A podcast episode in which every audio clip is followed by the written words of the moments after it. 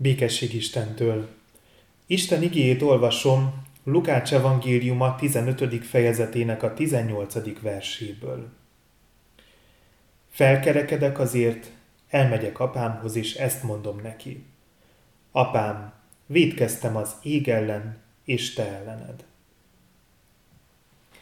Az egyik vakációs biblia héten évekkel ezelőtt téma volt a gyerekekkel, hogy mennyire fontos beosztani az időnket és az energiánkat, illetve meghatározni, melyek az élet céljaink. Ezt egy befőttes üveg segítségével tettük szemléletessé. A befőttes üvegbe először belekerült néhány dió, kisebb kavicsokat tettünk melléjük, végül pedig az egészet homokkal fettük be. A diók a fontos életcélokat jelképezték, a szeretteinkkel való kapcsolatot, az Istentől kapott tehetségünk kibontakoztatását, a munkánkat, illetve nem utolsó sorban a hitünket. A kavicsok a kevésbé fontos dolgok jelképei voltak. Hobbik, barátokkal töltött idő, szórakozás meg hasonlók. A homok pedig az volt, amivel az időnket töltjük. TV, közösségi média, sóvárgása kirakatok előtt, meg amikor azt figyeljük, mi van másoknak. Ennek a példának nagyon fontos tanítása, hogy mindez csak akkor fél bele a befőttes üvegbe, ha helyes sorrendben tesszük bele. Ha a homokkal kezdjük, majd a kavicsokkal folytatjuk, nem lesz elég hely a dióknak. Az életben is az a legjobb, ha elsősorban azzal foglalkozunk, arra összpontosítunk, ami valóban fontos. Ha túl sok időt elvesznek a kevésbé fontos dolgok, akkor nem jut időnk arra, ami igazán lényeges. A minap láttam ennek a példának egy olyan változatát, amelyben valaki két kis üveg sört is beleöntött az edénybe, ami azt jelképezte, hogy jó, ha mindig tudunk egy kis időt szakítani azokra, akik fontosak számunkra. A tékozló fiú történetének az egyik versét ajánlja nekünk már az útmutató. Ezt a verset, amelyben az örökségét eltékozló fiú meggondolkozik, és elhatározza, hogy visszatér apja házába. Jézus példázata arra tanít, hogy Istenhez mindig van visszaút. Őt jelképezi az apa, aki örömmel fogadja gyermekét. Nincs szemrehányás, elmaradnak a kényelmetlen kérdések, az apa nem hánytorgatja fel, hogy annak idején úgy ment el otthonról, ahogy, hanem azt olvassuk a folytatásban, hogy amikor meglátta közeledni, odaszaladt hozzá és boldogan átörelte. De a fiú is teljesen megalázkodik nem magyarázza azt, amin nincs mit mentegetni, hanem beismeri, hogy védkezett, tévedett, nem is kicsit. Amikor erről a történetről van szó, mindig kiemeljük, hogy a vagyonát tékozolta el. Kicsapongó életet élt.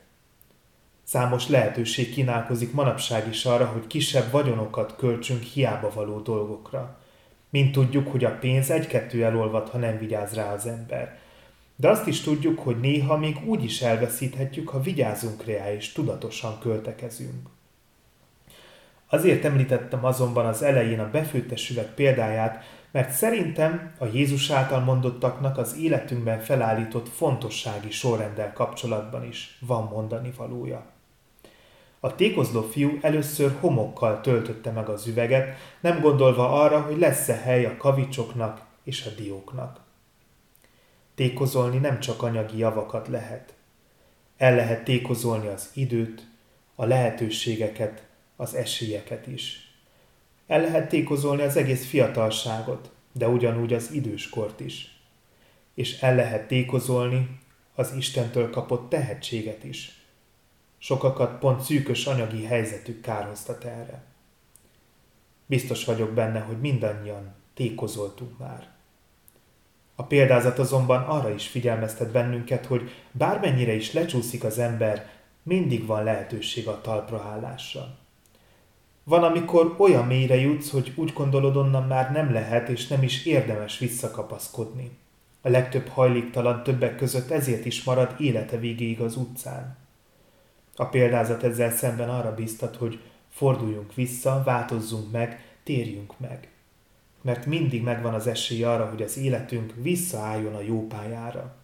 Soha nincs olyan, hogy ez ne érné meg. Mindig helytelen döntés megmaradni abban, ami rossz nekünk, bármi is legyen az.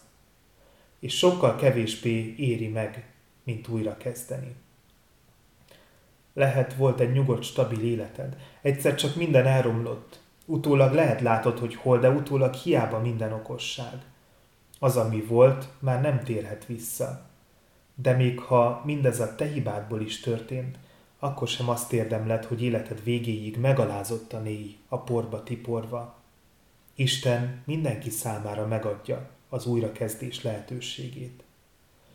Bármikor elhatározhatjuk, hogy visszatérünk oda, ahonnan eltévedtünk. Még ha meg is változott sok minden, az életünk fonalát újra fel kell vennünk, valahonnan folytatni kell. Az ember ilyenkor kiüríti a régi befőttes üveget, vagy elővesz egy újat, és megpróbálja bölcsebben feltölteni. Újra címkézi a diókat, új fontossági sorrendet állít fel, mert a régi célok közül van, ami már nem megvalósítható. Majd elkezdi belerakosgatni a dolgokat bölcsebben, mint először. A példázatban olvassunk arról, hogy a történet főszereplőinek volt egy testvére is, aki megsértődött amiatt, hogy az öccsét nagy szeretettel fogadta vissza az édesapjuk, és egy szemrehányás annyi sem hangzott el részéről. Az ige azok számára is elmond valami nagyon fontosat, akik mindig odafigyelnek, mi az, ami valóban lényeges az életükben. A nagyobbik fiú pontosan tudta, hogy számára mi a prioritás. Komoly gyerek volt, aki sokat dolgozott, és akire biztos vagyok benne, hogy nagyon is büszke volt az édesapja. Sokan vannak keresztény közösségeinkben, akik lelki alkatukat tekintve a nagyobbik gyermekre hasonlítanak, Céltudatosan élik az életüket, eredményeik vannak, ezért megbecsülik és tisztelik őket. Számukra felháborító az apa szeretet teljessége. Van, akinek nehéz elfogadni azt, hogy Isten ugyanannyira szereti a tékozlókat is, mint őket. Főleg akkor nehéz ezt elfogadni, ha nem is földi dolgokról van szó, hanem magáról az üdvösségről. Hogy lehet az, hogy akit egy életen keresztül hidegen hagy minden, ami a hitélettel kapcsolatos, ugyanúgy üdvözülhet, ha az élete egy adott pontján megváltozik, mint az, aki elejétől fogva megtartotta Isten törvényét, járt templomba, s imádkozott minden nap. Az üdvösség azonban akár csak a gyermek iránt érzett szeretet, nem jutalom, nem olyasmi, amit ki kell érdemelni. A kettőt azért is kapcsolhatjuk össze, mert Isten Jézusért minket is az összes benne hívő kereszténynel együtt gyermekeivé fogadott. Számára nem kérdés, hogy nekünk a földi életünk végeztével ott kell lennünk mellette. Ahogyan a szülő is feltétel nélkül szereti a gyermekét, ő is feltétel nélkül szeret minket. Nem erőlteti ránk a szülő-gyermek viszonyt, de úgy hiszem fáj neki, ha azt látja nekünk nem fontos és bármikor kész magához ölelni minket, ha a legkisebb jelét látja annak, hogy mi is rendezni akarjuk vele a viszonyunkat. Ez akár csak a szülői szeretet. Nincs feltételhez kötve. A jutalom az más kérdés. Amúgy is még nagyobb képlékeny az, hogy majd a végén kinek mennyi jutalom jár. Van, aki későre ugyan, de összeszedi magát, és adott esetben sok-sok tékozlást követően többet tesz, mint amennyit másképp tehetett volna. Van élet a nagy botlások után is. Isten támogat, ha úgy döntünk, megpróbálhatjuk vele újra.